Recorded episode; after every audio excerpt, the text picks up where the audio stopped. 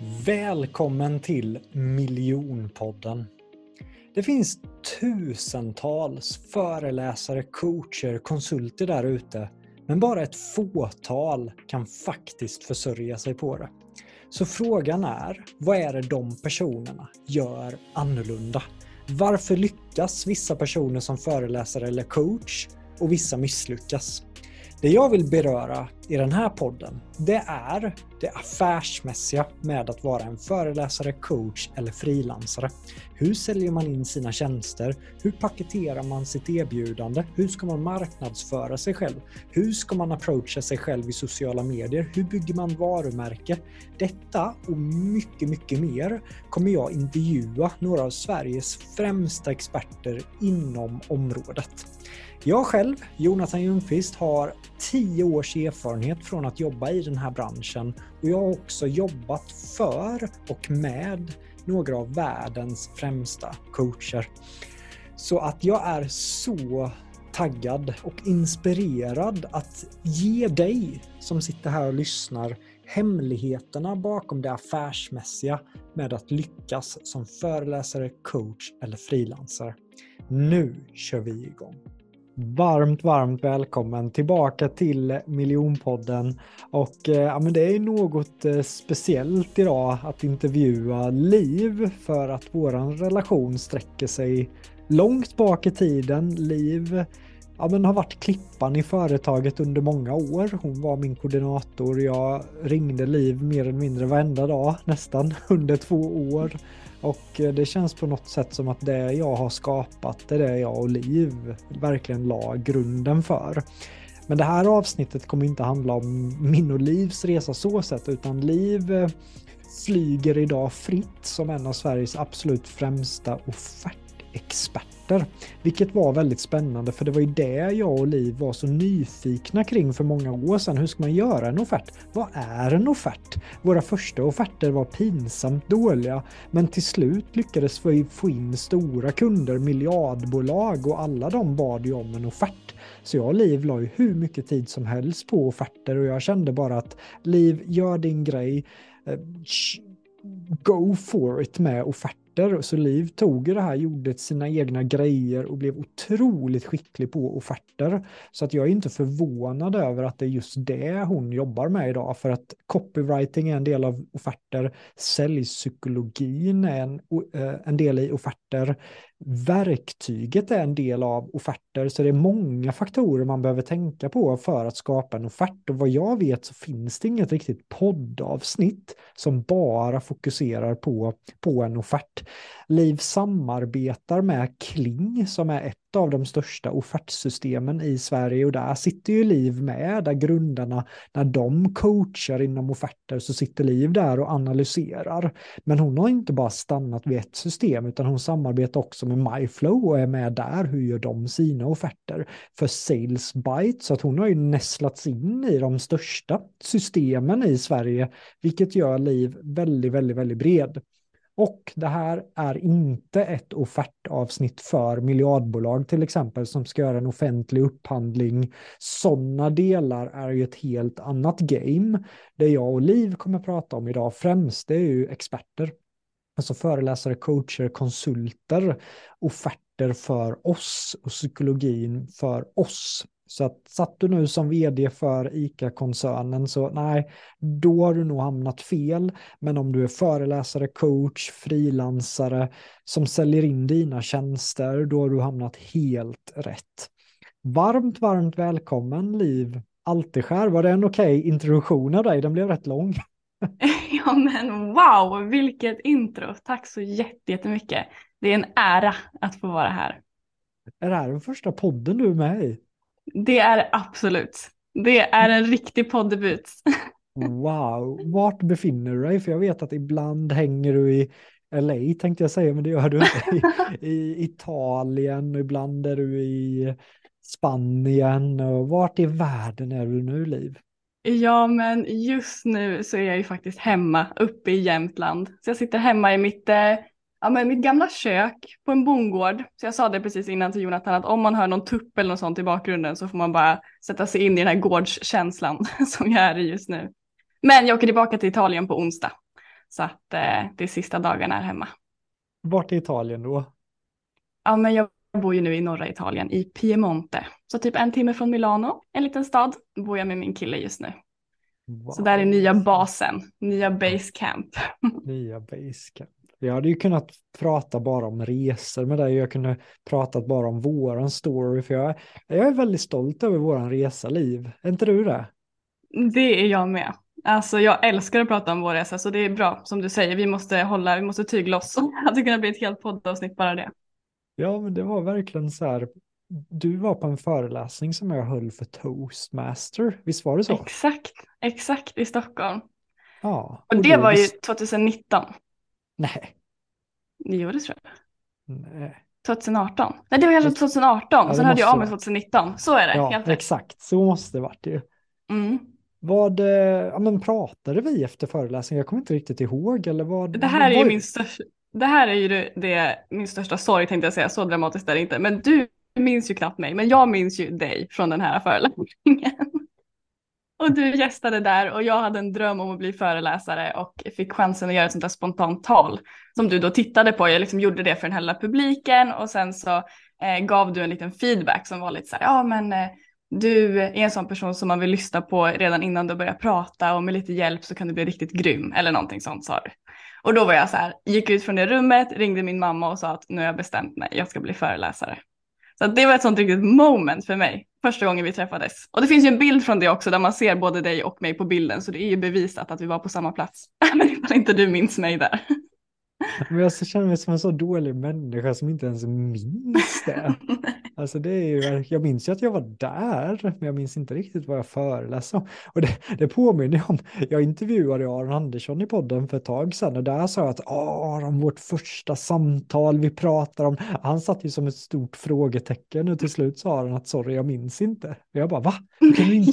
Skoj, jag minns ju varenda ord. Så ja, sorry Liv, alltså att jag... Men, men däremot så, ja, det finns en bild och det kändes ju menat verkligen att jag skulle hålla den föreläsningen för jag var väldigt otaggad på faktiskt att ens åka till Stockholm den dagen vet jag. Så att Mm. eh, extremt glad över att det blev så. Ja men verkligen. Och sen så tog jag tag i det då, i vår kontakt, så jag hörde ju av mig ett år senare. Och eh, då tror jag du minns mig från det meddelandet. Absolut, absolut. Mm. Men då var jag rätt svårflörtad va? Ja, då var du så himla svårflörtad. Då hörde jag mig och frågade ifall Jonathan ville bli min mentor inom retorik och presentationsteknik. Och du var så här, ja, men absolut, du kan ringa mig så här, den här dagen, den här tiden. Och så ringde jag upp och så svarade du inte. Och jag var verkligen så här, alltså jag var ju 19 och typ så här, jag har aldrig varit osäker som person, men det här var ju verkligen utanför min comfort zone. Och jag bara, nej, då vill han inte det. Men tog ändå mod till mig att skriva igen och var så här, hej, du svarade inte, kan jag ringa igen? Och så blev det en Varför andra gången svarade jag inte då? Jag är ju så här, vilket Just- dåligt första, först minns, alltså, jag bara, vad ska poddarna, vad, ska poddlyssnarna tycka om mig nu Liv? jag trodde du ville spela lite svår, se vad jag gick för. Men det gick ju bra.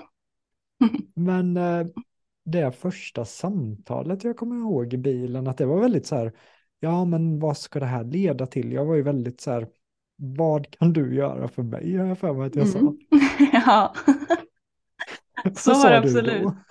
men alltså det är ju ren flax alltså att vi matchar så bra som vi gör i det vi är bra på. För att jag kommer ihåg att Ja. jag sa det, "Nej, men jag får ju bara säga det jag tycker är kul och det jag vet Ja. att jag är bra på. Och jag var så här, men jag älskar att skriva och jag älskar struktur.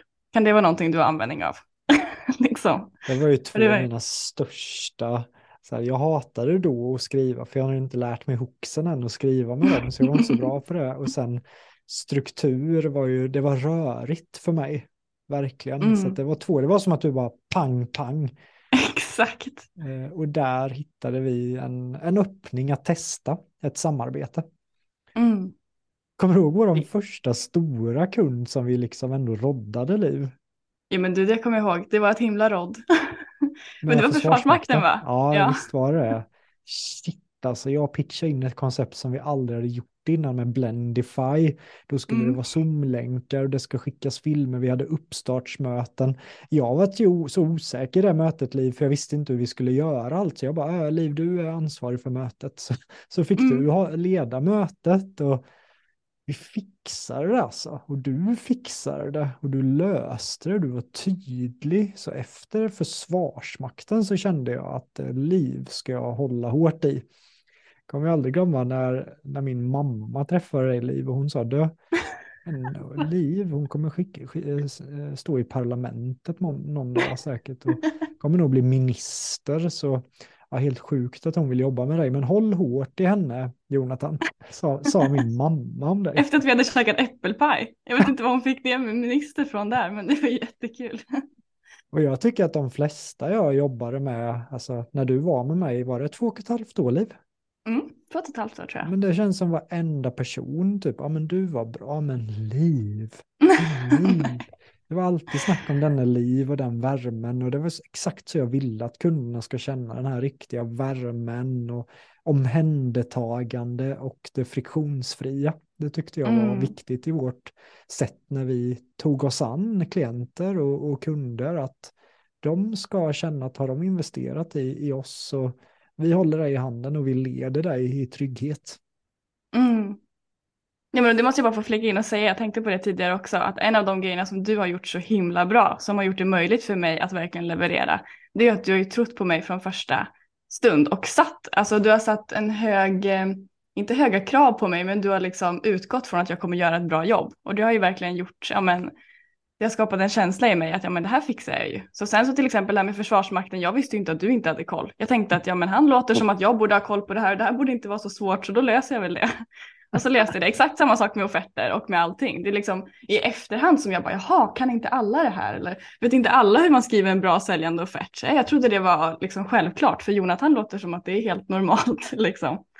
Nej, um, alltså du ehm. kommer väl ihåg hur det var när jag sa, Liv, eh, vi ska skicka en offert, så nu vill jag att du gör ett eh, referens i en pdf. Och du bara, mm. vad ska du med det till då? Jag bara, mm, jag tänker att jag eh, jag vet inte, jag skickade det till kul. Det känns så jävla oproffsig kändes jag den tiden. Jag hade ju noll koll på allt. Eh. Var inte det rörigt att kasta sig in i det liv?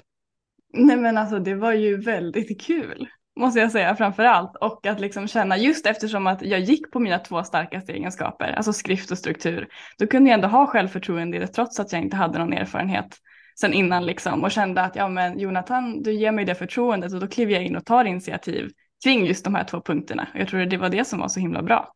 Mm. Så att eh, det var väldigt kul och det passade mig som handen i handsken. Vad, eh, vad tog du med dig mest från, vi ska snart hoppa in i offerter, det var ett av våra mål, att nu kan vi inte sitta och prata om oss själva i en timme, men vad, vad tar du med dig mest från vår resa ihop, eh, Liv? Oj, vad svårt. Men jag skulle säga att det jag tar med mig absolut mest, det är att, att eh, alltså jag har ju fått en så stor för, förebild i dig. Och vän och kollega och allt vad det är liksom. Men jag känner verkligen att jag har fått en, eh, ett exempel på hur man kan jobba i den här branschen som är så otroligt generöst och eh, inbjudande och genuint och som baseras på riktiga relationer och liksom passion och mm, det här drivet att vilja hjälpa människor på riktigt och att du verkligen drivs av det. Det alltså så genuint, det har skapat det i mig också och verkligen satt ett exempel för att man, man kan vara så i den här branschen. Man måste inte roffa åt sig kunder hit och dit och känna att alla är konkurrenter mm. och ha den här lite så här bittra ingången i mm. liksom mm. relationer, att man alltid ska ut någonting av varandra, utan jag tror att det är det absolut mest värdefulla som jag tar med mig nu när jag jobbar liksom fritt. Så att mm. det ska du verkligen ta åt dig. Det är en stor komplimang och jag menar det från hjärtat. Ja, men tack så jättemycket Liv, för jag kände att jag blev ganska kvävd av att vara med andra som var väldigt kära i sina egna grejer och ja men det här får du inte, för det här är mitt och det här är mitt och det här är mitt. Mm, jag kände exakt. så här, men allting har väl ändå på något sätt skapats från någon form av källa. Det är bara det att folk har olika paketeringar och positioneringar på det hela. Så för mig var det viktigt att du skulle känna en frihet att när du vill kunna ta allt det egentligen som jag lär dig och ta betalt för det sen i helt egen regi. Det var någonting mm. jag ville att du skulle känna från dag ett. Sen att den dagen kom snabbare än vad jag hade önskat, det, var det. det, det, det fick ju verkligen, alltså jag blev ju livrädd eh, förra var det förra våren när du viftade för att mm. ja, men mm. nu vill jag nog bli egen. Jag bara what the fuck, det hade jag inte tänkt förrän om fem år. Mm. men för jag, jag, tyckte vi hade sån otrolig synk och så jag blev ju livrädd när du flaggade för det och jag vet inte hur många pitchar jag drog till dig att du skulle stanna. det var många. Det var liksom att, eh, nej men du kan få de här pengarna, du kan få mm. det här, jag, jag kan anpassa mig helt. Du, men du bara stod kvar. Och, jag, och, det, och, det, var en form av väldigt cool respekt i det, att eh, du hade inte riktigt då aningen om att det var offerter du skulle välja eller vad du skulle göra. Men du gick på, på dig eh, och det respekterar jag stort att du stod emot alla de frestelserna som jag ändå la på bordet framför dig. Ehm, jag menar att vi alla skulle vara delägare i samma i kommun. Alltså, ja. Det var verkligen, jag tänkte att jag gav dig ett erbjudande som skulle vara omöjligt att tacka nej till, men du gjorde det. Eh, och det gjorde ont i magen, i själen. Jag kunde inte sova vissa nätter. Men i det kom en väldig stolthet över att shit vad coolt. Och när vi nu då börjar hitta tillbaka till varandra så är det en annan mm. relation. Då är det inte den här koordinator, och, utan nu är det så här, tjenare. nu är vi polare. Nu Liv, så vad sägs om att kanske ändå samarbeta åt höger och se vad som händer där. Och det Exakt. finns en väldig spänning i det, för att för mig är du en person som, ja men du påminner väldigt mycket om personen jag äventyrat med Mackan, det sa jag ju till dig också från, du är väldigt mm. lösningsorienterad, positiv, skarp, lär dig väldigt fort och det, det hoppas jag att vi kommer kunna göra många roliga saker till i, i framtiden, tror du inte det Liv? Jo men alltså garanterat. Jag tror jag sa det många gånger också under perioden när vi liksom ja. avslutade lite grann. Jag var så här, men Jonathan, jag lämnar mm. ju bara för att kunna bli ännu bättre på någonting och sen mm. kunna komma tillbaka och verkligen leverera någonting nytt i din liksom, verksamhet. Och det känns verkligen som att det är det vi börjar med nu. Mm. Att jag får mm. komma tillbaka med en expertkunskap liksom, som jag har format. Börjat med dig liksom, och sen bara fått eh, sprida ut mina vingar och eh, försökt lära mig från allt och alla så mycket jag bara kan. Så att det här mm. är så himla kul att kunna komma tillbaka och bidra med någonting på det sättet. Så det ska bli superspännande att prata yes. om offerter också i den här podden. För det, är det ju... Ska bli, det ska bli väldigt, väldigt kul. Så, Hörde du att jag försökte avrunda? Liksom, ja, att jag ja, försökte göra en snygg ja, övergång. Jag blev helt så här, bara, kom tillbaka.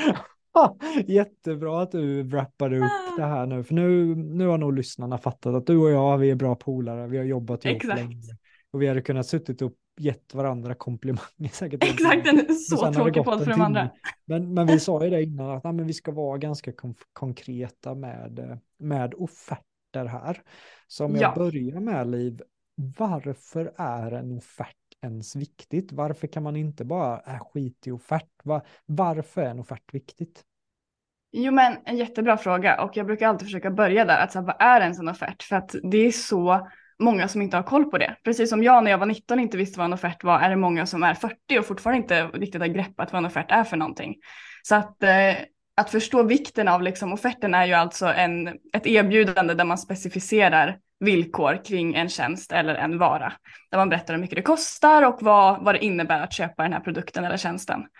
Och det som är så viktigt med offerten det är ju för att det är verkligen där vi får, eh, där vi closar dealen. Alltså det är som att ha jag har jobbat som telefonförsäljare innan och det är nästan som att här, ringa upp en person och sitta i ett säljsamtal, försöka sälja in någonting i 40 minuter och sen inte fråga ifall kunden vill ha produkten eller inte. Alltså att man inte ger någonting att tacka ja eller nej till. Så offerten är ju verkligen det här sista, det som kommer ofta efter ett säljsamtal, där kunden får reflektera och känna in och sen antingen tacka ja eller nej. Och om en offert blir accepterad så gills det också som ett bindande avtal. Det är inte så många som vet om det, även ifall det sker muntligt eller skriftligt. Så att det är skitviktigt att ta vara på offerten också, väva in de här grejerna som ja, men, garantier, återbetalning, de här grejerna som är liksom juridiskt viktiga också i sin offert så att man har, har allting lugnt där så att det inte sker några missförstånd sen när projektet drar igång just det med det juridiska tänkte jag att ja, där har jag några konkreta frågor lite längre ner i samtalet, för den är ju mm. kopplat till pandemin och hela rubbet, alltså de som hade koll på det här som föreläsare och coacher, de som hade tagit och fått företag att signa att om det här mm. inte blir av så får ni köpa in Exakt. förskotts. Alltså herregud vad jag åkte på en ekonomisk smäll av att inte ha det när pandemin slog till, så det var ju främst efter pandemin där, Liv, som vi verkligen oj, hur ska vi skydda oss själva mot Vi fick ett litet wake-up call. Ja, det är liksom en pandemi där. Är liksom, vi har ju aldrig varit med om något liknande. Vi tappade alla bokningar och medan då Aron bara, ah, nej men jag hade ju signat avtal och grejer och vi bara, nej det hade inte vi. Så, mm. så det är ju bara, bara det är ju en väldigt, väldigt viktig grej i offerterna som du gärna får fylla på mer senare in i, i samtalet. För den Absolut. första frågan också nu är ju, ja, men när är läge att skicka en, en offert? För det är någonting jag stöter på mycket att man, man lägger tre timmar på en offert, man skickar ett pris och sen säger kunden, åh herregud, är det de här priserna? Det hade jag ingen aning om. Och sen slås det ner och så har man lagt massa tid på en offert. Men det kändes liv som att desto mer vi jobbade med våra offerter, desto mer träffsäkra blev vi när läget för en offert var. Vad är dina tankar och reflektioner med just tidsaspekten i situationen för en offert? Men det är en jätte, jättebra fråga. Man, eh, man kan jobba med offerter på olika sätt och det finns olika sätt att tänka kring den frågan. Och jag skulle säga precis som du säger, att blir man väldigt träffsäker där så är det ju ofta i slutet av säljprocessen, alltså när man känner att man har en relation till kunden, kunden är så pass på att man kanske hade kunnat säga så ja, men vi köper det här i telefonsamtal, men istället skickar man en offert så man får det signat liksom med bank-id eller hur man nu väljer att göra så att man får det på papper. Så drar man det så pass långt så blir ju offerten väldigt mycket bara så här, ja men det sista, eh, det sista, sista steget för att få det på papper att man har ett, en deal. Men eftersom vi pratar om, jag kan säga det redan nu också, att det finns ju olika typer av offerter och jag brukar dela in dem i två kategorier, alltså standardoffert och en säljande offert. För att en, en säljande offert ser väldigt annorlunda ut mot den typen av offert som de flesta företag använder idag. Alltså en offert kan ju vara, bara vara liksom priser som är uppspesade på ett ett papper och inget mer med det. Men det vi snackar om det är ju offerter där vi faktiskt använder offerten som ett säljverktyg. Vi lägger in liksom texter om målsättning, resultat, vi berättar om oss själva i offerten, vi lägger upp olika paket, referenser. Så det brukar jag kalla för en säljande offert. Och när man väljer att ha en säljande offert då kan man ju faktiskt dra in det lite tidigare i säljprocessen också eftersom att offerten kan hjälpa kunden att tacka ja. Eh, och oavsett, eller beroende på hur man väljer att skapa sina offerter kan man även skapa en offert som inte har ett så här eh, signeringsblock och använda den som en säljsida. Så att om kunden bara är så lite nyfiken och vill ha mer information så kan man skicka en offert som ser ut som en säljsida för att inte skapa så mycket press. Och får man bra svar från den så kan man sen ändra offerten och lägga till ett signblock och lägga till ett paket och säga men hur känns det nu liksom. Och så kan man bolla fram och tillbaka och använda offerten på det sättet. Om man inte har en hemsida eller en tydlig säljsida. Så det är också en jättestor möjlighet med säljande offerter. Snyggt att du gör en differens mellan en standardoffert och en säljande offert. För ofta när en beslutsfattare får en offert, då är det en beslutsfattare, men på stora företag är det flera som behöver ta ett beslut. Och om offerten mm. då är förvirrande, rörig, och så tar personen som man har haft mötet med och säger att, ja men börja Liv coachar inom offerter, det är så superbra. Jaha, vem är det? Eh, nej, det kommer jag inte ihåg. Men om det då är mm. en säljande offert så är det som att det är den som cirkulerar bland beslutsfattare Exakt. som också kanske inte hade mötet med dig. Så den, eh, den gillar jag kopplat till just säljande offerter. Exakt. Sen eh, kopplat till situation så har jag för mig att antingen var det du som sa det till mig Liv eller så var det Erik just att ibland kan man ändå säga till kunden att mellan tummen och pekfingret mm. så kommer det kosta ungefär det här nu. Mm. Så om jag säger den här siffran till dig, vad känner du där? Så har jag nu börjat göra för att få den här reaktionen att, oh men herregud, jag trodde det här var liksom 2-3 tusen. Det är mm. en helt annan planet. Ja, men då, då är det inte rätt läge att lägga en halv dag på att skapa en offert. Vad, vad tycker du? Var det du som sa det till mig, Liv? Nej, det tror jag inte, men vi har snackat om tidigare också. Mm. Um, och jag skulle säga att mina tankar kring det är ju superviktigt att göra det. Att kunden har en idé av prisbilden så att det inte blir den här chocken. Och jag tror att även kunder som skulle se priset som en chock, om man har jobbat med dem på rätt sätt innan så kan offerten ändå hjälpa till liksom och få det att kännas bra. Men precis som du säger så tycker jag att man ska ha en bild av vad man kostar innan. Mm. Och alla jobbar ju olika men ofta har vi faktiskt haft ett samtal med kunden innan vi skickar en offert. Och då så brukar ju de här sakerna komma upp och då tycker jag inte man ska vara rädd för att prata pris liksom. Det är ju lätt, det här vet jag att där pratar ju du om hur mycket som helst i eh, ja, men onlinekursen och allting. Men just att man ska inte ducka för att prata om priset utan priset ska vara kul. Och eh, det är absolut en fördel om man har snackat pris innan offerten kommer. Grymt inflik. Liv, vad, vad, vad skulle du säga är men det största misstaget du ser? För jag kan tänka mig nu att när du ser på en offert nu när du är så inne i offerter att ah, men det här är en bra offert på grund av, eller det här är en dålig offert på grund av. Vad skulle du säga mm. är det största misstaget folk gör i sina offerter? Det finns många tänkte jag säga. Nej, men det är kul att prata om. Det är kul att prata om misstag eftersom att det är väl kanske det enklaste sättet man kan bli bättre och det mm. som, man, det som ligger närmast liksom. Mm. Och jag skulle säga att det absolut största misstaget folk gör är att man inte använder en offert överhuvudtaget. Det är många som inte skickar offerter. Och eh, om man liksom trappar upp därifrån så skulle jag säga att ett annat, ett annat misstag är att underskatta offerten. Alltså man skickar en offert men man tänker att det här kan väl inte ändra vad min kund tänker och tycker. Det, är, det stämmer inte. Offerten kan absolut ändra vad kunden tycker och tänker och det kan framför allt vara den sista pusselbiten som behövs för att skapa trygghet att tacka ja. Jag brukar verkligen trycka på det att en offert ska ju inge tydlighet och trygghet och en känsla av att så här, shit, det här är precis det jag behöver. Perfekt. Offerten ska inte bara vara ett tråkigt papper som är så här, um, man kan beskriva det så här, när man sitter i ett säljsamtal är det lätt att bygga upp en viss energi och att det känns jättebra i säljsamtalet. Jag tror att vi alla varit med om det, att man, liksom, man bollar av varandras energi, man kommer upp i en bra känsla och man känner att så här, men den här kunden kommer absolut tacka ja. Men det som händer efter säljsamtalet, det är ju att kunden varvar ner, det kanske händer någonting annat, man stannar inte i den här energin Sen kommer offerten kanske två dagar senare och då blir det så här, ah oh shit, just det, priset var så här mycket, hur ska jag tänka med min ekonomi? Man börjar liksom komma på anledningar till att tacka nej, för vi vill ju liksom bara eh, spara på våra pengar också, ofta tänka liksom ekonomiskt och man kanske börjar jämföra med några andra. Så kunden går ju liksom in i en, i en ny typ av fas efter säljsamtalet. Och om vi då bara skickar en offert som är ett papper med några svarta bokstäver på en siffra, men då har vi ingen möjlighet att påverka kundens energi efter samtalet.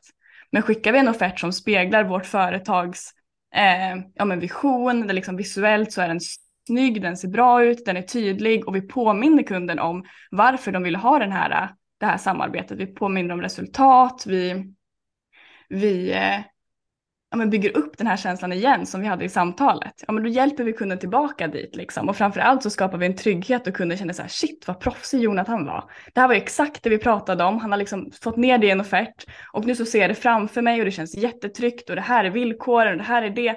Ja, men då blir det mycket enklare att tacka ja. Så att jag skulle säga att nu var det ett långt svar till ett misstag, men att man underskattar offerten och tänker att den inte spelar någon roll, för det är inte sant. Och sen när vi liksom går vidare på misstag då och pratar om liksom till dig som använder en offert idag, alltså redan jobbar med offerter, vad kan man tänka på där? Där har jag två stycken väldigt konkreta tips som jag alltid brukar ge. Och eh, jag tänker att vi kör på med dem här direkt. Eller vad säger mm. du Jonathan? Du vet, jag tycker bara det är så coolt att se dig. Du går in i flow nu, du pratar om offerter. Jag bara, fan vad grym ja. Kör på!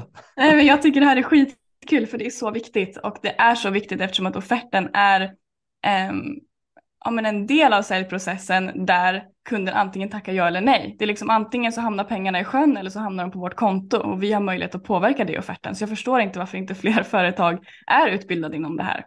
Det är därför jag går igång så mycket, för jag tycker det är så kul och så viktigt. Men jag tänker att jag vill gärna dela de här två tipsen nu direkt. Och jag skulle säga att det första är ett sånt som, ja men det var det här tipset när jag började skriva om offerter på LinkedIn så bara exploderade ett inlägg när jag skrev om det här tipset. Och jag förstår varför, för att det är så konkret, enkelt och tydligt. Och eh, det här tipset fick jag från Kling, det här offertverktyget som vi började jobba med för länge sedan Jonathan och som jag har jobbat, fortsatt jobba med nu. För de gjorde faktiskt en en studie och det är alltid kul när man kan liksom stötta upp sina tips och så med statistik. Så de analyserade 50 000 av deras senast skickade offerter för att se så här, vad kan vi se för mönster, vilka offerter blir godkända och varför och tvärtom. Och då så såg de det här att offerter som har mer än ett alternativ i sitt erbjudande har 36 procents större chans att bli godkända av de här 50 000 offerterna som de gick igenom. Jag säger det igen, alltså en offert som har mer än ett alternativ har större chans att bli godkänd. Och det här har vi också pratat om Jonathan, att det är väldigt enkel psykologi och det finns massa olika exempel som man kan ta upp här. Men det handlar ju alltså om att få kunden att välja mellan A och B istället för att välja mellan ja eller nej helt enkelt. Du kan väl säga lite grann, vi har ju alltid gjort så Jonathan och det här visste du, det här hade du koll på innan mig och innan den här studien och allting. Hur har du tänkt kring det här med alternativ? Nej, men jag, jag var bara fascinerad över hur du också framar det här nu, Liv. Alltså, det, du sa inte bara tipset, eh, så här är tipset, utan hur du la upp det här nu fick mig totalt trollbunden i, i ditt svar. Så jag varit också blown away av, av det. Det var några hooks du nyttjade där på oss va? Ja men självklart. Damn, vilka hook var du framade det där så fint med då? Ja men förtroendehook såklart, ja, att det både bottnar i studien och eh, även ja, men, bygga upp eh, ja, men, relatering och liksom det här med olika, att man ofta ger bara ett, ett alternativ, liksom att det är lätt att tacka nej och jag vet inte, hooksen bara flyger runt i mitt huvud så det var säkert fler också. Nej, du är ju, ja, wow, känner jag bara. Ehm, jag, eh, jag läste någon bok där om pricing för några år sedan om det här och, och det makes sense att vill du ha det här eller det här? Mm. Eller vill du ha det här eller ingenting? Jag, jag tycker det är ett klockrent tips att istället för att också tidigt i en relation erbjuda ett svindyrt paket så kan mm. man i alla fall ha att ja, men det här paketet kostar så här lite. Och det här, mm. vi brukade ju ha tre paketliv, att vi hade ett väldigt mm, billigt, exakt. men där la vi inte in så mycket, så det ville vi inte att folk skulle välja. Och sen Nej. hade vi ett paket som var liksom väldigt massivt, så ska de välja mellan det andra och det första så är det inget snack om saken. Men sen hade vi ofta ett dyrt, stort paket och där kopplat till miljonkursen med VIP-paketet som vi tog fram där, där är det ju alltid 30-40 procent som väljer. Vissa kliver in i Elgiganten och köper det dyraste. Vissa mm. köper alltid vippen, vilken konsert de Vissa människor ser sig själva som vippare. De vill ha mm. det bästa, de vill inte ha mellanting. Och det tycker jag är Exakt. viktigt i offerter att få, för att få med sig de personerna så kan ju det betala mer än tio standardplatser till exempel. Så att eh, oj vad jag tycker vi hade roligt med, med det här med paketliv och där var det Absolut. en teknik vi använde Liv. Kommer du ihåg det här med irresistible offer och det? Ja men självklart. Kan inte du berätta mer, vad, vad är the irresistible offer om du kommer ihåg? Ja, men jag kan ju berätta så som jag har liksom uppfattat det efter att ha jobbat med dig ett tag och så som jag liksom brukar prata om det. Och eh, det som är coolt med just Irresistible Offer det är att vi skapar en, ett erbjudande som har ett så högt värde att priset känns liksom, mm, det är helt dumt att tacka nej till det för den här summan. Och det betyder inte att priset är lågt utan tvärtom. Det kan vara ett väldigt högt pris men att värdet är högre än priset. Liksom. Och det gör man genom att skapa mervärde, genom, vi snackade om det innan, så ska man ha med bonusar eller inte ha med bonusar och hur kan vi få den här produkten eller den här tjänsten att kännas wow, det här kan jag ju inte. Jag har ju hört det på några som har varit med i till exempel ditt community nu, som var det att så här, ja men jag vet inte riktigt, jag hade nog inte tänkt vara med, men sen hörde jag ju erbjudandet och kände att det här kan man inte tacka nej till. Precis så, då har man ju skapat ett irresistible offer liksom. Värdet är för högt för att tacka nej. Ja, och men säg till exempel att du, du säljer ju dina kurser inom offerter och onlinekurser. Och så hör mm. av sig en föreläsare till dig och säger att ah, men jag vill ha hjälp med offerter. Och så säger mm. du, grymt, det kostar 20 000. Mm, 20 000. Mm. mm. Men lägger vi på det irresistible offer då så skulle du bara kunna stacka upp grejer genom att säga att ja men eh, låt oss säga att personen faktiskt är Kim Julin, vilket är roligt för att Kim är intresserad av det. Det är alltid kul när det blir på riktigt. Då kan Absolut. du säga till Kim att uh, ja, men då ingår ju en intervju där jag intervjuar dig så jag verkligen lär känna ditt skriftliga, hur, hur vi ska föra oss i offerterna. Du kommer få min onlinekurs. Du kommer få några timmar coachning. Jag kommer ta fram en grafisk modul i din offert som gör att du enklare bara kan fylla på och ändra så att du kan bygga dina offerter själv. Jag kommer coacha mm. de offerterna som, som du tappar eh, varför de inte gick in. Så jag kommer analysera dina offerter. Där skulle du bara kunna maxa på med sådana saker och till slut kommer Kim känna, åh herregud vad billigt. Mm, exakt, och en annan grej man kan Ja, jag, jag, bara blev, jag vill bara säga, jag flickar in en annan grej just kopplat till irresistible offer och Eh, för det är en sak när man liksom hela tiden trappar upp där och man känner att man också trappar upp i sin tid. Alltså då måste jag leverera det här och det här. Helt plötsligt så kanske man måste också tänka vad som är värt för en själv liksom och lägga i tid på den här kunden. Så allting som man kan erbjuda som inte tar mer tid för en själv men som ger värde är ju fantastiskt. Det är därför det är så himla coolt att du nu har dina onlineutbildningar. Alltså jag vet att det var ett enormt steg när du gick från att ha liksom digitalt material eller när du inte hade det till att ha det. Helt plötsligt kunde vi lägga till det i alla offerter och det var så här wow. Eh, så att det är ju verkligen en sån tyngd i det. Men jag tänker också att ifall det är någon som lyssnar på podden nu som har ett erbjudande kring en, en produkt eller en tjänst som hjälper sin målgrupp att spara pengar eller att tjäna mer pengar så är det också en, ett sätt man kan lägga upp det på som får det att kännas som ett irresistible offer. Om jag tar nu det här med offerter som ett exempel så är det ju så himla tydligt att säga det att ja men hur mycket ligger dina offerter på i vanliga fall? Det spelar ingen roll ifall de ligger på 10 000 eller 30 000 men vi säger att de ligger på 20 000 i vanliga fall. Ja, men om jag då säger att ja, men du skulle kunna få in fem offerter mer per år med min hjälp, ja, men då så är det 100 000 som de får in mer på ett år. Ja, men är det värt då att köpa in mig för 30 000 eller inte när ditt värde ändå går upp med 70 000 från den? Och sen så fortsätter ju det för all evighet liksom. Nu var det väldigt snabbt upplagt, men jag tänker alla som jobbar med att hjälpa människor tjäna mer pengar kan lägga upp det på det här sättet och helt plötsligt så blir ju ens eget pris så mycket mer värt när man ser det på det sättet. Snyggt, det kan jag tänka mig är svårt att säga nej till när du sitter och säger så i dina säljmöten. men om vi tar så det är ju det irresistible offer. För på något sätt tycker jag att det var det som var det juice i våra mm, offerter. Absolut. Alltså hur vi stack snackade och hur vi gjorde det tydligt.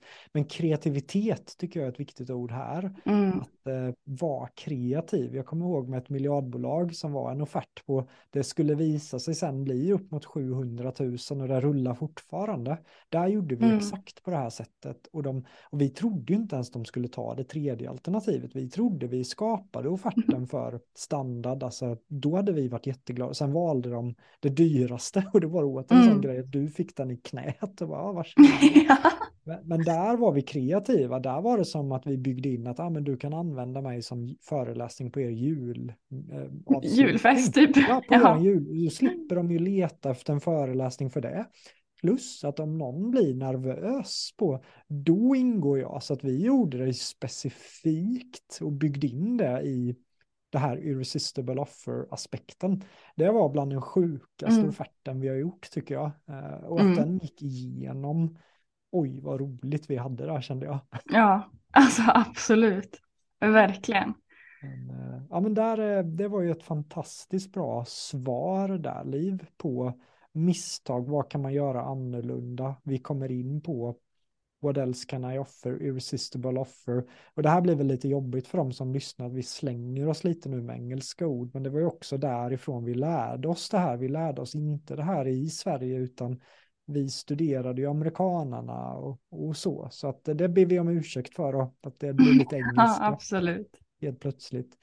Vi, eh, jag kan tänka mig att många får ett motargument här, Liv, där de tänker att, ja men vadå, Liv, du är ju strukturerad och verkar teknisk och jag är ju bara det här, alltså, och få det här att se snyggt ut designmässigt. Det kanske inte är folk som är tekniska. Hur ska man göra då med sina offerter? Mm, det är en jätte, jättebra fråga och jag vet att det här är ju så oavsett vad det är man tar sig an som är nytt så finns det ju alltid en liten tröskel att komma igång. Och jag kan absolut tänka mig att säljande offerter är en sån grej som många känner lite så här, ah, nej, ännu en grej liksom, eller hur ska jag få till det här och så där. Och mitt mål är ju verkligen att få folk att känna att den här tröskeln är så låg som det bara går, så att man bara kan kliva över där och känna att man kommer igång. Och där kommer ju verkligen offertverktyget in som en, en hjälte skulle jag säga. Alltså jag, vi kan dela med oss av liksom strukturer och hur vi har lagt upp offerter och allting sånt. Men sen när man faktiskt ska skapa det så gör det så mycket att man presenterar det här med hjälp av ett offertverktyg och inte bara i ett mail eller i ett Word-dokument för då sticker man inte ut i mängden. Liksom. Så att, att ta det här, liksom, att steppa upp ett steg till och verkligen få det att se snyggt ut. Och där nämnde ju du i början några offertverktyg som jag jobbar med idag och vi började ju båda två med Kling. Så det är ju ett fantastiskt exempel på ett offertverktyg som man kan jobba i. Eh, vi har ju också MyFlow som är helt, ja men, helt fantastiska och jobbar hela tiden på att utveckla sitt offertverktyg så att det bara så här toppar alla listor för offertverktyg i Sverige. Och det är också helt grymt och vi har också SalesBite som har sin version på det om man till exempel jobbar mer med produkter och vill kunna väva in, ja men man kanske har en en webbutik, man vill kunna lägga in en offert där man vill presentera snyggt vad man har för olika typer av produkter, ja men då kanske SalesBite är det bästa alternativet. Och nu har jag bara nämnt tre av alla offertverktyg som finns. Så att en sån grej som jag märkte när jag började jobba med det här, det är att det är helt eh, jag blev chockad över hur många företagare som behöver hjälp med offerter och hur många fantastiska offertverktyg det finns. Men att de inte liksom, eh, jag blev så här, men jag måste bli den här bron mellan de här två, för varför, varför tar de inte hjälp av varandra? Så jag skulle säga att när du frågar det så skulle mitt svar vara att ja, men väljer man att jobba i ett offertverktyg så är det inte svårt längre och det finns offertverktygen erbjuder hjälp att sätta upp mallar åt den. Eh, det finns personer som mig som också liksom, ja men jag kan jättegärna gå in och sätta upp en struktur och en personlig offertmall för dig och ditt företag. Så att, att mitt bästa tips är egentligen att se till att du tar hjälp tills du är i rullning. För när man väl är i rullning så har man sina mallar. Så att varje gång du kommer in en ny kund så gör man små justeringar och skickar iväg. Det behöver inte ta mer än liksom en halvtimme. Det, då tar jag i liksom. För när man väl har sina mallar så rullar det bara på. Så mitt bästa tips är egentligen se till att du har hjälp till så att det rullar på. Så kommer fler affärer också att, att gå in. Snyggt. Då tänker jag nu när du säger att det finns massa olika system för föreläsare, coacher, konsulter liksom, om du ändå får rekommendera någon riktning med alla de här systemen, vilken riktning skulle du rekommendera då om man inte är speciellt teknisk? Ja, men då så skulle jag faktiskt rekommendera de här tre som jag har valt att jobba med har jag valt att jobba med för att jag tycker att de är riktigt grymma. Och jag vill väl vara väldigt transparent när jag pratar om det här, för oavsett ifall jag samarbetar med många verktyg så kommer jag alltid säga precis vad jag tycker och tänker. Och då är det faktiskt så att jag har aldrig jobbat i ett offertverktyg som är så användarvänligt som Kling. Så att om man inte är så teknisk, om man tycker att det där är en tröskel att komma igång, då skulle jag rekommendera Kling till vem som helst. Kling har också, om man går in på deras hemsida, kling.se, så kan man boka en gratis demo. Då så lägger, ja men Oskar eller någon av dem på Kling så lägger de 30 minuter av sin tid bara för att hjälpa dig komma igång med ditt konto. De visar hur man bygger en offert, de visar allting så att de gör, gör verkligen den här tröskeln väldigt låg. Så jag skulle säga att om man är nyfiken på det här, ja men då skulle jag verkligen rekommendera Kling som, som första steg liksom. Och sen så om man inte har en tydlig koppling till ett annat offertverktyg, för att en annan viktig grej att tänka på är verkligen att många offertverktyg har liknande eh, ja, men verktyg och erbjuder liknande saker och där, där måste du välja det som du tycker mest om att jobba i. Så du kan också testa många gratisperioder, testa några olika. Var känner du att du klickar? Vart känns det enkelt för dig? För det är olika för oss alla liksom. Snyggt. Och vad kan det här kosta i månaden på ett ungefär med ett offertverktyg? Ja, det här kan se så olika ut beroende på vad man väljer och många offertverktyg har olika typer av upplägg. Att liksom beroende på hur många offerter du skickar så liksom skickar du jättemånga i månaden så är det en, en kostnad för varje offert men den blir såklart lägre ju fler du skickar. Eller så kan det vara så att du eh, ja men Kling har en fast kostnad. Så då har man tre olika paket man kan välja mellan ifall det är ja nu är det dumt att jag inte kan dem i huvudet, men liksom Pro eller Basic eller Start eller någonting sånt heter de. Tre olika paket och då är det baserat på hur många offerter du behöver skicka i månaden och vilka funktioner du vill ha med i det.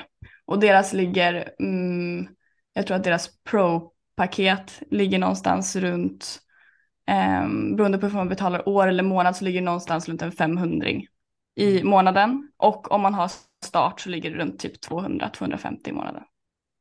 Menar, men där är det som sagt bli... viktigt att tänka på hur mycket fler offerter man får in så att liksom ja. ställ den här månadskostnaden i jämförelse med värdet ja. på dina offerter. Hur många fler offerter du får in så är det ganska enkelt att finansiera det. Nej, men jag varit ju chockad över hur lite, jag tycker det är väldigt, väldigt billigt om man använder sig av offerter, att ha några hundralappar i månaden för ett offertsystem. Mm. Har varit otroligt värdefullt tycker jag. Jag gillar mm. speeden mm. och tempot vi har nu, Liv. Jag tänker så här, några korta takeaways, om man kollar lite mer faktamässigt på en offert. Vad ska ingå? Jag tänker momsnummer, sådana grejer, Liv. Har du någon checklist? Det kanske är så att du inte har det i huvudet nu, men då kanske du har det För jag vet att du bygger en onlinekurs nu med att om du inte har det i huvudet Absolut. kan du bara länka någonting, men just det mest konkreta i alla fall. Absolut. Ja, men jag, kan, jag kan gå igenom ganska basic vad en offert måste innehålla. Det finns ju en sån lista, alltså vad måste vara med i en offert för att den ska räknas som en offert. Och då, det här är en lista som jag har tagit direkt från verksamt.se, så det är bara liksom en faktalista, men den är väldigt bra att ha koll på. Och då är det liksom, ja, man ska eh, specificera varan och tjänsten, man ska berätta vad det är för någonting, man ska ha med pris per enhet och totalt pris. Väldigt grundläggande så. Om man har rabatter ska rabatterna vara med.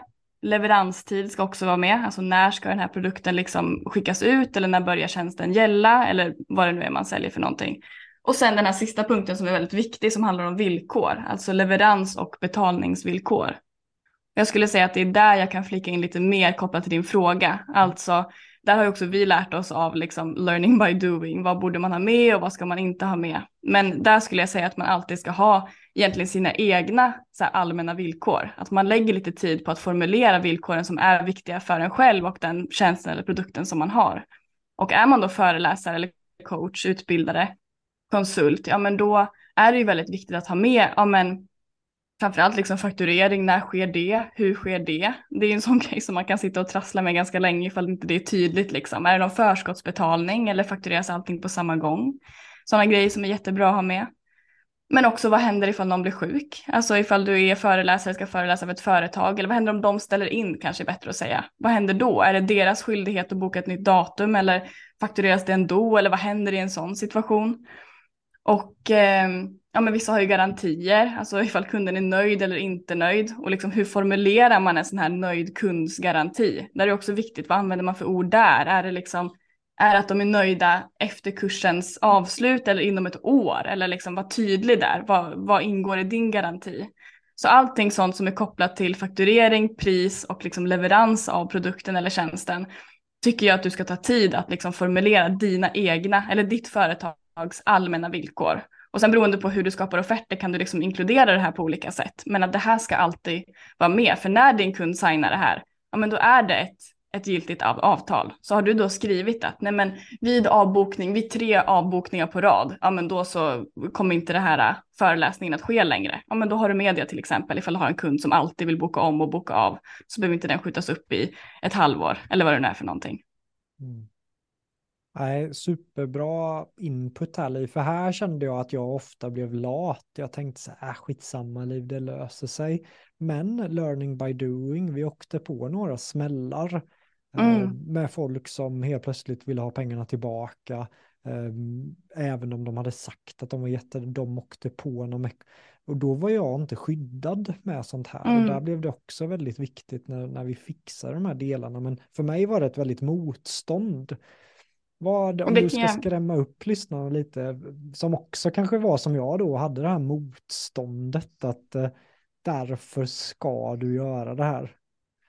Jo men alltså det är ju, som sagt jag förstår att det är motstånd. Jag förstår att man kan, det kan kännas mer komplicerat än vad det är. För så fort man börjar säga villkor eller liksom avtal så blir man lite avskräckt. Men vad är ens det? Och så kanske resultatet blir att man känner att så här, men jag har inte koll på det. Jag blir lite osäker när vi börjar prata om det här nu. Och så blir liksom en sätt att skydda sig själv mot det att man bara glömmer bort det och tänker att ja men det här löser sig säkert sen. Och då vill jag bara, är det någon som känner så så vill jag verkligen säga det att du är inte ensam om att tycka att de här sakerna är svåra och läskiga. Och jag har liksom lärt mig om offerter nu ja, men, väldigt intensivt senaste halvåret. Men har gjort det liksom i tre år tillsammans med Jonathan och jag tycker fortfarande att det här är svårt och kan inte allting om det här. Så att liksom, var inte rädd för att känna att någonting är svårt och tänk istället att ja, men börja med det här lilla som du faktiskt förstår och som du kan eh, ja, men, ta tag i. Som till exempel garantier, återbetalning och de här grejerna och formulera det på ditt sätt. Du behöver inte låta som en advokat. Liksom. Bättre att du har formulerat någonting som kunden läser och godkänner än att det inte finns någonting alls. Och väljer du ett eh, offertverktyg, nu tar jag Kling igen som ett exempel, ja, men då lägger man in sina allmänna villkor en gång på sin profil och sen i varje offert så drar man bara in de allmänna villkoren och så står det så här, ja, men genom att signa offerten så godkänner du också de allmänna villkoren. Hur enkelt som helst, det tar ju 0,1 sekund varje gång du gör en offert liksom. Så att den här lilla jobbet som du lägger idag kommer vara tusen gånger värt sen ifall det uppstår någon typ av tvist. Bra jobbat Liv. Jag tänker förskottsbetalning versus inte förskottsbetalning i offert eller någon form av blandning. Vad, vad tycker du det är? Och kopplat till alla studier som du har kollat på, vad är bäst? Förskottsbetalning, kunden betalar innan eller efter? Mm, bra fråga. Jag vet ju att eh, där har du mer erfarenhet än vad jag har, liksom rent praktisk erfarenhet. Eh, och jag har inte läst någonting i studier eller så om det, men jag skulle säga att en effekt av förskottsbetalning är ju att kunden tar det seriöst. Det är egentligen det man får när man tar en liten förskottsbetalning. Så känner man att det är nödvändigt, ja men då skadar det absolut inte att ha det. Däremot så vet jag att man kan skapa offerter på ett sätt så att kunden känner att de ska ta action ändå. Och det är också en sån grej som jag tycker att man ska ha med i sin offert. Det ska vara väldigt tydligt vad nästa steg är. Det gör också enklare för kunden att tacka ja, ifall man vet vad händer när jag har godkänt en offert. Men också för din egen skull. Så har du det tydligt i offerten att så fort offerten är signad så får du ett bekräftelsemail av mig inom eh, 48 timmar och där så bokas datum in senast det här datumet eller vad det nu är för någonting. Är du tydlig med nästa steg när datumen ska bokas in och den här kunden faktiskt signar ditt avtal med, eller din offert med ett bank-id, ja men då är du ganska eh, safe där. Då tycker jag att de ändå har tagit action till att förstå att det här, det här det måste bli någonting av det här. Mm. Så det beror lite grann på. Bra svar och så kanske vissa sitter och lyssnar nu och känner så här lite hopplöshet över hur mycket det var och bara, bara offert Eh, och så har mm. vi pratat om sociala medier, det är så många tårtbitar för föreläsare, coacher, konsulter och bara offerter nu kanske helt plötsligt är större än vad man kanske fattade. Men då vill jag mm. flika in med att jag personligen då gör ju bara grov och sen eh, betalar jag liv för att äh, göra mina offerter. Så, så det kan man ju också göra liv, eller hur? Men, ja, men jag tycker exakt. man ska själv ha koll på psykologin i alla fall. För mina grov till dig är ju ganska tydliga även idag med att men det här struktur, what else can I offer? Sen tar ju du det här och gör det snyggt. Men får jag flika in en sak där för att få det att kännas enklare? För det var jättebra att du tog upp det där. Och jag skulle vilja säga att en sak är att när vi jobbar med offerter så vill vi alltid jobba med mallar, som jag nämnde tidigare. Man ska inte sitta varenda gång och bygga upp någonting från grunden. Så att när man har en bra mall, och då har man ju med sig allting med psykologin i den här mallen, um, så är det bara att köra igång. Och jag har ju mallar som jag jättegärna delar med de som lyssnar. Så att jag kan ju dela en gratis offertmall, precis med den strukturen som mycket utgår från det du och jag har gjort ihop Jonathan. Eh, och nu vet jag inte när det här avsnittet, avsnittet släpps, för jag håller på att bygga en onlinekurs och en mindre kostnadsfri utbildning och det vill jag såklart att alla som lyssnar ska få ta del av. Så jag tänker att en sån länk kommer väl här nedanför någonstans och att jag också lägger in en mall där. Så att du som lyssnar, bara, nu är det synd att vi inte sa det här från början, men har du lyssnat hit och känner att det känns mycket men att det känns viktigt, ja men ladda ner min mall då och titta på hur, hur jag lägger upp den här strukturen och så översätter du det till ditt företag och dina erbjudanden. För jag tror inte vi kanske har, genom, har tid att gå igenom hela mallen här liksom, men då har de den efter. Snyggt liv. Vad generöst och jag tänker att vi släpper det här avsnittet när du vill att vi ska släppa avsnittet. Ja men då kommer det ju rättan ja, tid. Då tänker ja, jag att då kommer det när min, eh, om ni klickar på länken nedan så har ni ju då ja. min kostnadsfria utbildning. Så då går jag igenom allt det här, då går jag igenom offertmallen med dig och allt det här helt kostnadsfritt. Så bra, då släpper vi det när det är klart helt enkelt. det blir ännu mer värde. Jag ja. tänkte att jag wrappar upp eh, förskottsbetalning bara, hur, hur vi tänkte till slut där. Och jag känner att affärer över 100 000, alltså lite större affärer, då gillar jag förskottsbetalning på i alla fall 30% direkt. För då mm. låser man också bokningen. Och sen har man i offerten att resterande belopp betalas hälften in i programmet. Eller till exempel. Men 30 procenten gör att man aldrig i alla fall tappar tappar en kund, för behöver kunden då flytta datum, då har de ändå betalt 30 procent. Då handlar det snarare om att hitta ett nytt datum, men om man inte mm. har en sån låsning till bokningen så kan det vara så att kunderna säger, nej tyvärr nu blev det lågkonjunktur så vi vill inte ha mm. dig längre. Eh, så att det har varit mm. ett bra sätt att skydda mig själv, men det är tidskrävande också och tid är också pengar. Så att jag har valt att göra så på större affärer. Men när jag säljer miljonkursen för 17-30 000, då tar vi bara payment upfront. Så mm. att när du Exakt. har betalat, då har du en plats i kursen. Bara är väldigt tydliga med det. När jag bygger föreläsningar med personer som jag verkligen litar på har jag varit mer flexibel. Så för mig har det där varit ganska situationsanpassat. Jätte, jättebra tips. Men vi hoppar in i dina tips igen, de är mycket mer spännande. Du, du har ju flera grejer, för även om du sa att ja, men den här mallen, jag kommer inte hinna gå igenom hela, så tänkte jag vi kan väl toucha på några i alla fall, för jag vet ju att du Absolut. gillar att göra offerten personlig, tydlig, det finns steg, det finns förtroende. Vill du toucha på några av de pelarna i din mall, Liv? Absolut, självklart kan jag göra det och då vill jag säga nu redan nu då att du som lyssnar har ju alltså den här mallen som du kan ladda ner och ifall du vill kan du lyssna om den här delen av poddavsnittet samtidigt som du tittar på mallen så att det blir tydligare. För då kan jag faktiskt hålla lite tempo och gå igenom de här, eh, de här pelarna som vi brukar ha med ganska fort helt enkelt. Så hör man liksom strukturen som vi brukade använda oss av och som jag fortsätter använda mig av för att den visar sig fungera liksom. Och precis som du säger så tycker jag väldigt mycket om att hålla offerten personlig. Jag tycker det är nästan A och O. Alltså kunden ska känna wow, eh, om man säger att Jonathan, att det är du som skickar ut en offert, då ska ju kunden känna att så här, shit vad Jonathan måste ha lyssnat på mig under det här säljsamtalet. För det är som att han har skapat liksom, en offert bara för mig. Det är helt utifrån mina behov och kan toucha precis på de här sakerna jag sa. Och därför så brukar jag också inleda offerten med en personlig hälsning. Så det är nummer ett. Att man kopplar tillbaka, man säger hej Stefan, eller vad man nu har pratat med. Tack för samtalet, kul att du var taggad på det här, här kommer en offert. Eller någonting, så att det känns personligt. Så det är nummer ett. Och sen så brukar jag alltid gå in som nummer två på målsättning. Och det gjorde ju vi ihop hela tiden Jonathan, så det har ju tagit mycket från dig. Och vill man prata i hooksen så är det ju som att man lägger in en resultathook där liksom. Man pratar vart är det vi ska, vart vill vi nå någonstans med det här uppdraget som vi har tillsammans. Jag brukar göra det i punktform, liksom efter eh, du har gått min offertkurs så kommer du vara grym på att skapa offerter som hjälper dig öka din omsättning, får dig att stå ut ur mängden och eh, skapar en trygg känsla hos kunden. Eller vad man nu vill skriva. Man kan hålla sig kort och koncis. Sen så är nummer tre i offerten själva erbjudandet. Och där som jag sa tidigare så vill vi ju ha mer än ett paket. Så då lägger man upp sitt erbjudande i två eller tre alternativ och helt enkelt berättar vad som ingår och vad det kostar. Är man en föreläsare så är det kanske en timmes föreläsning med uppföljning med en Q&A 20 minuter efter eller hur nu upplägget är och vad det kostar för någonting. Sen så i koppling till erbjudandet och paketen så är det ju även bonusar som vi pratade om. Mervärde, är det någonting mer som ingår i priset? Brukar vi alltid lägga i, liksom, i eh, samband med själva paketen. Hur kan vi skapa mervärde? Efter det så går vi vidare till om dig. Och det här brukar vi alltid ha med i dina offerter offerter och jag har alltid med det i mina offerter och uppmanar alla att ha med det. För precis som du sa så kanske vår kund vill bolla det här uppdraget med någon annan som inte känner dig. Ja, men hur ska den då direkt kunna förstå varför du är rätt person för uppdraget? Jo, för du har med en text om dig i offerten. Det är en kort text, alltså den, den kan vara runt 100 ord, inte så mycket mer än så, men eh, förklara kort varför du är perfekt för det här uppdraget och gärna en bild på dig så att det blir ännu mer personligt.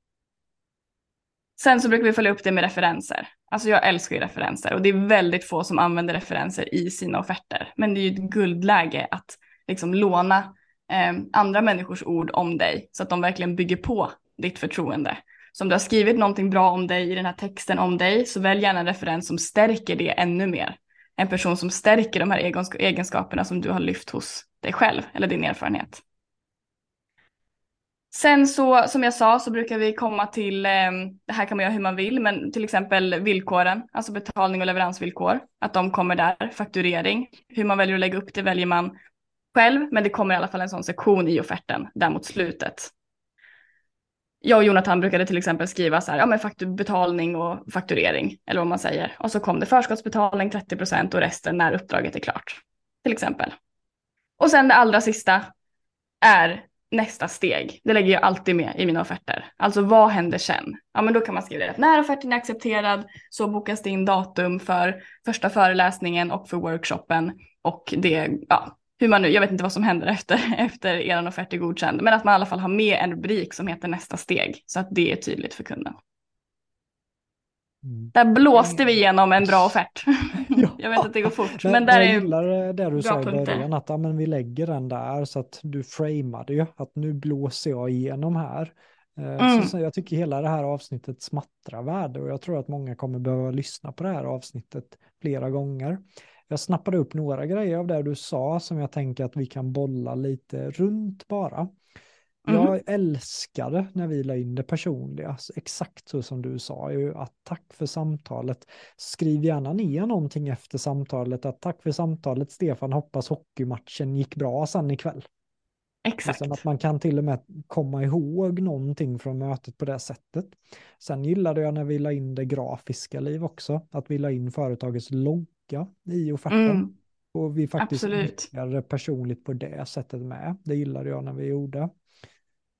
Ehm, bra med målsättningen. Liksom, den är ju, jag tycker den är viktig och den blir ju Jätteviktig. också.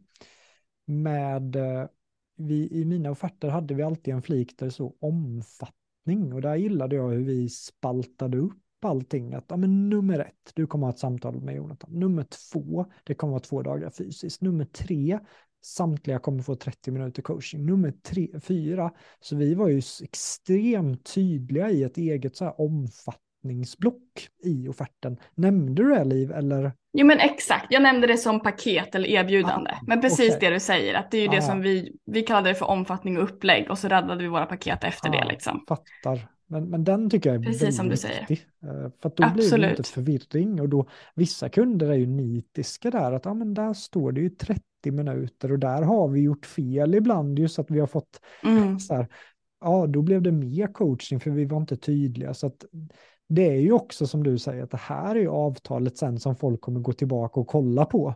När, vad är lovat, vad är inte lovat? Så, så lägg tid där om mig-fliken, där tyckte jag att eh, ja, men, förtroendet är väldigt viktigt där. Att det behöver inte vara en lång uppsats om att ah, men jag gick bygggymnasiet, utan bara välja ut några korta saker om dig själv som bygger förtroende för ditt ämne. Det var ju så mycket vi jobbade där. Vi byggde ju också in värdehooken i mina offerter med att vill du Absolut. se någonting som Jonathan faktiskt har gjort så la vi ju en hel film som vi hade länkat till på YouTube där jag körde en hook eller där jag körde en föreläsning så folk kan se vilken nivå handlar det om.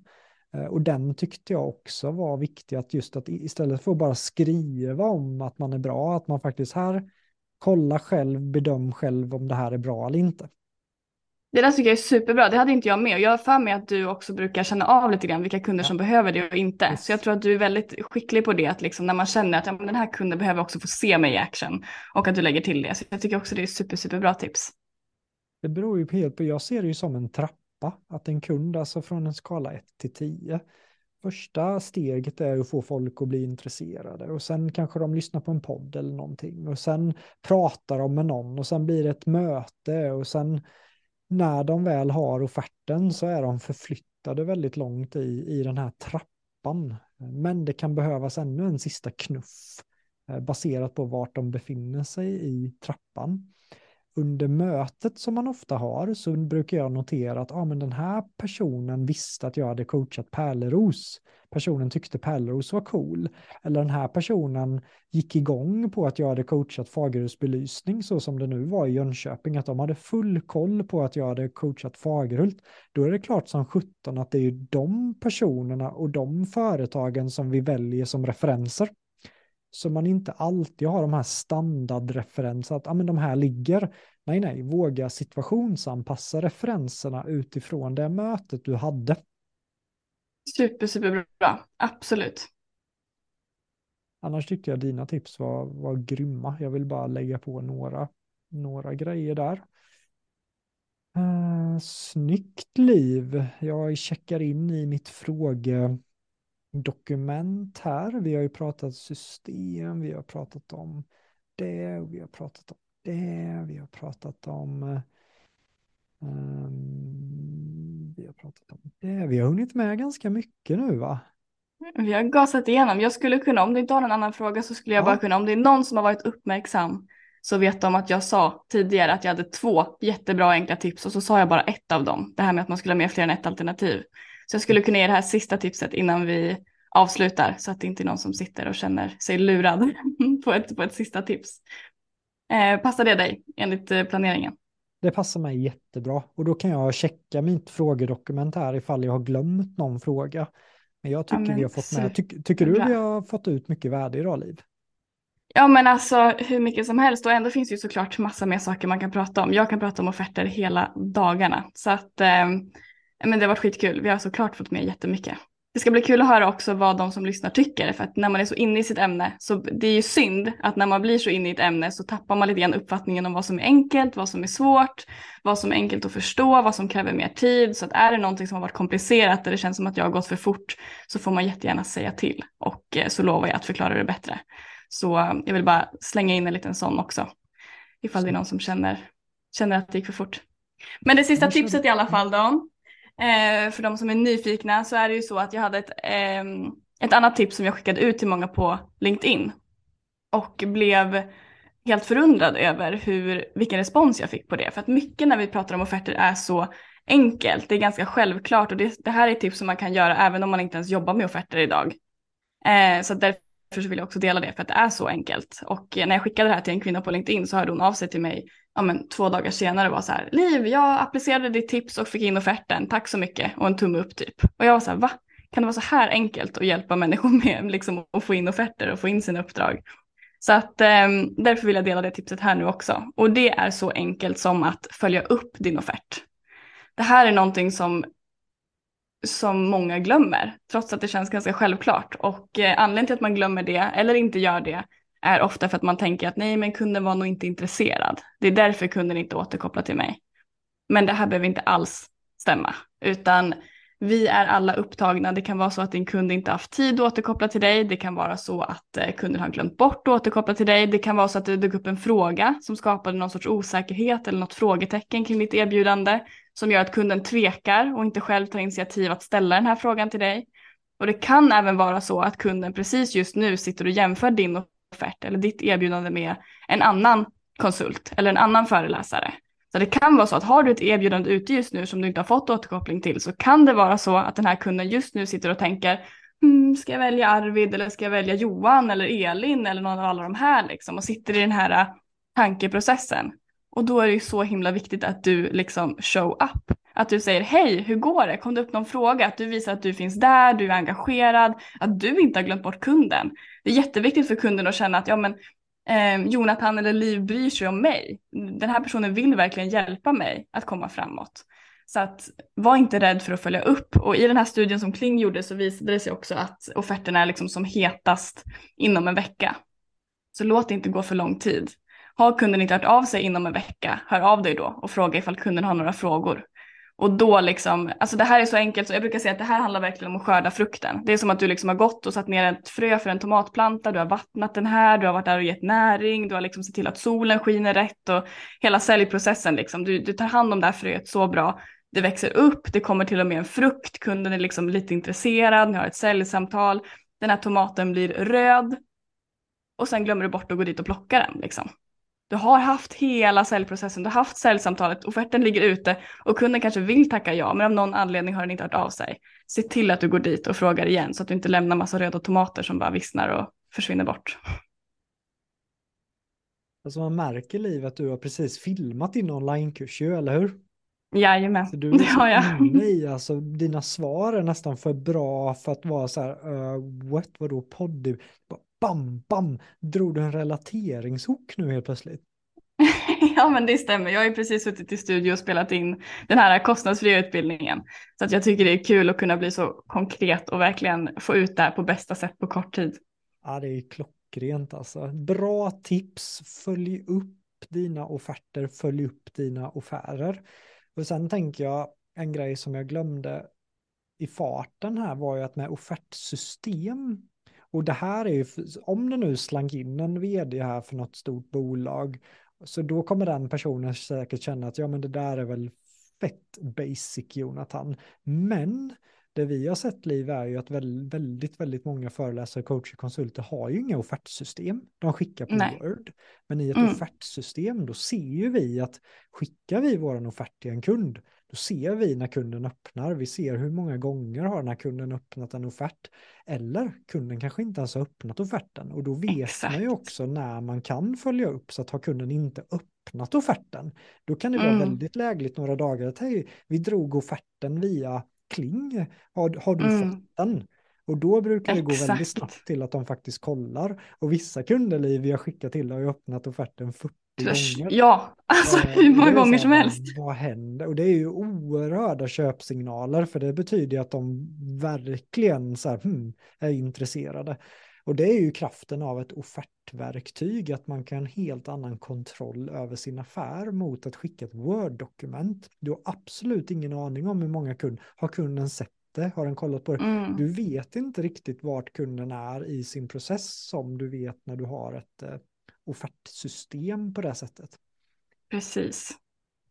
Så jag tänkte Nej, det ger jag sjukt ändå- mycket Jag värde. vill ändå säga det, för att även Liv, att vi tänkte att men det där vet ju alla, det är inte säkert att, att folk har koll på de otroliga fördelarna som kommer med ett offertverktyg. Nej, absolut inte. Mm. Ja, är det någonting mer du vill lägga till, Liv? Mm, nej men jag tror inte det. Jag vill bara så här rakt in i en studio och spela in själva onlinekursen också. Den kan få bli klar. Det känns, det är så kul att prata om det här och jag vill bara ut med det till så många som möjligt. Men jag känner mig väldigt glad och nöjd efter det här samtalet. Det har varit jättekul.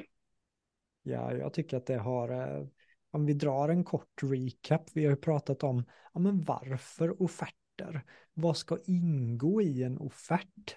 Ett eller två erbjudande, det är irresistible offer, leveransvillkor, referenser, alltså det, det känns som att vi har pratat om väldigt, väldigt mycket under ganska kort tid. Så att jag Mm. gillar det här temat, tema Mm. på det här avsnittet. Det blir väldigt, väldigt konkret att men det här avsnittet handlar om offerter. Och jag gillar att du också var den som, ja, nu slutar vi prata om våra i offerter. För det var det som var vårt mål med det här avsnittet. Exakt. Så stort tack för att du ville gästa Miljonpodden, Liv. Tack så jättemycket. Jag hoppas man får komma tillbaka. Jag ska, som sagt, jag säger det igen. Jag ska se till att bli ännu bättre på någonting mer eller bara bli ännu bättre på offerter så att du bjuder in mig igen till podden. Ja, men det är klart. Det är nästa det. mål. Och jag skulle faktiskt vilja bjuda in dig också med att bara prata struktur. Ja, det är ett, ett annat hjärteämne. Det Ja, pratar jag jättegärna om. För på något sätt om man inte har struktur och det är så att, men hur vet du ens då vad du ska följa upp? Då Nej, det är helt så rätt. offerter sitter ihop med system för struktur tycker jag. Och där är Absolut. du enormt skicklig. Så att eh, det skulle jag gärna vilja snacka med dig om också. Säkert att vi kanske kommer toucha på att ja, men, Sibbe bygger hela sina offerter med en AI nu till exempel. Mm, Det lär ju exakt. komma mer och mer och mer och då kanske vi kan göra Absolut. ett avsnitt när teknologin har kommit i fatt och fötter. Vad händer då? Så att säkerligen att vi kommer ses här i miljonpodden igen, Liv. underbart. Jag Har du längtar någon, redan. eh, Har du någon drömperson du skulle vilja att jag intervjuar i miljonpodden? Oj, vad bra fråga. Alltså jag har ju blivit väldigt inspirerad av en tjej på senaste på LinkedIn. Jag har ju liksom börjat eh, snacka. Jag har fått så många jättekola unga drivna tjejer som är entreprenörer som jag liksom nätverkar med på LinkedIn. Och en sån tjej som jag är så inspirerad av är ju Copy Lollo. Vet du vem det är på LinkedIn? Du, jag och Koppolollo ska spendera en helg i Toscana ihop snart. Hon ska ju med på Mastermind. eh, Hon ska med på Masterminden. Ja. Ja men då, ja, men då kan jag luta mig tillbaka och vara säker på att det kommer säkert bli en podd där också. Det hade varit jättekul. Oh, kul! Jo, så hon är, vi är i 16 pers som, som åker ner och hon är en av dem. Så himla kul. Det kommer bli succé. Kul! Annars kan man ju följa dig på, på TikTok. Shit vad du har fått Det kan man också På göra. TikTok, på LinkedIn framförallt är det där du postar om offerter va? Exakt, exakt på LinkedIn. Och Vi kan väl sen, lägga eh, alla länkar. Vi lägger länkarna, vi lägger länkarna till mallen och det är här nedan också. Stort, stort tack för Toppen. att du har lyssnat på Miljonpodden.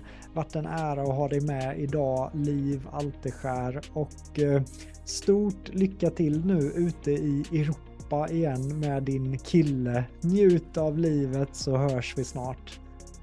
Tack så mycket. Vi ses sen, hörs sen.